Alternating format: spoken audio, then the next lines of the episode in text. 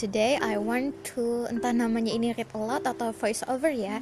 Nah, jadi uh, saya atau aku akan membacakan feeds Instagram dari @hijab_alila di mana judul feedsnya adalah belajar menjaga hati dari alasan dipecatnya Khalid bin Walid sebagai panglima perang.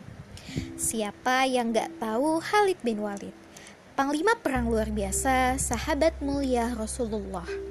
Sejak diangkatnya beliau menjadi panglima perang sejak zaman Khalifah Abu Bakar, pasukan, yang dipimpinnya selalu menang.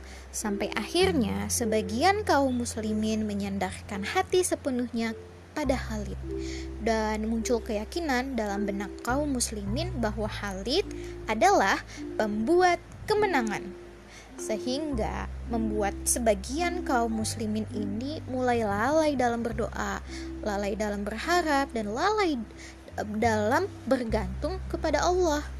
Hingga akhirnya Khalifah Umar bin Khattab melihat peristiwa ini dan memecat Khalid bin Walid, lalu menggantinya dengan Abu Ubaidah bin Jarrah.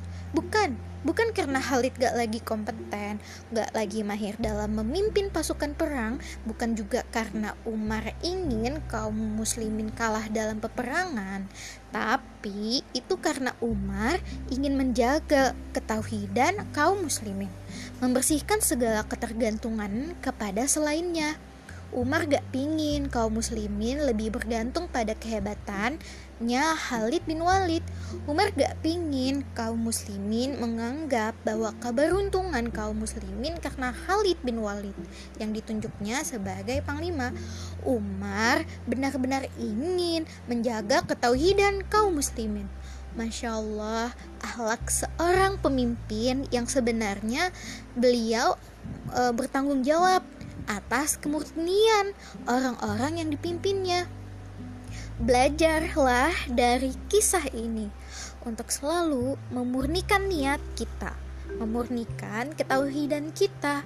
Jangan pernah melakukan apa pun karena manusia atau karena ada manusia tertentu. Semoga Allah senantiasa memudahkan kita ya. Hashtag hati-hati, jaga hati. Thanks for hearing. Bye.